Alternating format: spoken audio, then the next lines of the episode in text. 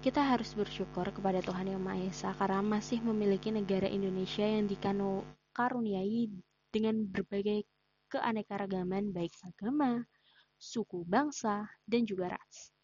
Keanekaragaman tersebut memperkaya multikulturalisme bangsa.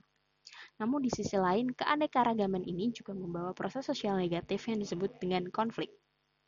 Pernah gak sih kamu bertengkar dengan teman atau saudaramu? Mengapa bertengkar? Tentunya bertengkar atau berbeda pendapat dengan orang lain itu pasti pernah kalian alami. Kondisi inilah yang dapat dikategorikan dalam konflik.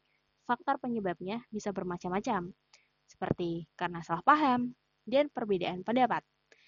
Apa sih yang dimaksud dengan konflik? Konflik dapat disalah istilahkan atau dengan kata pertentangan dan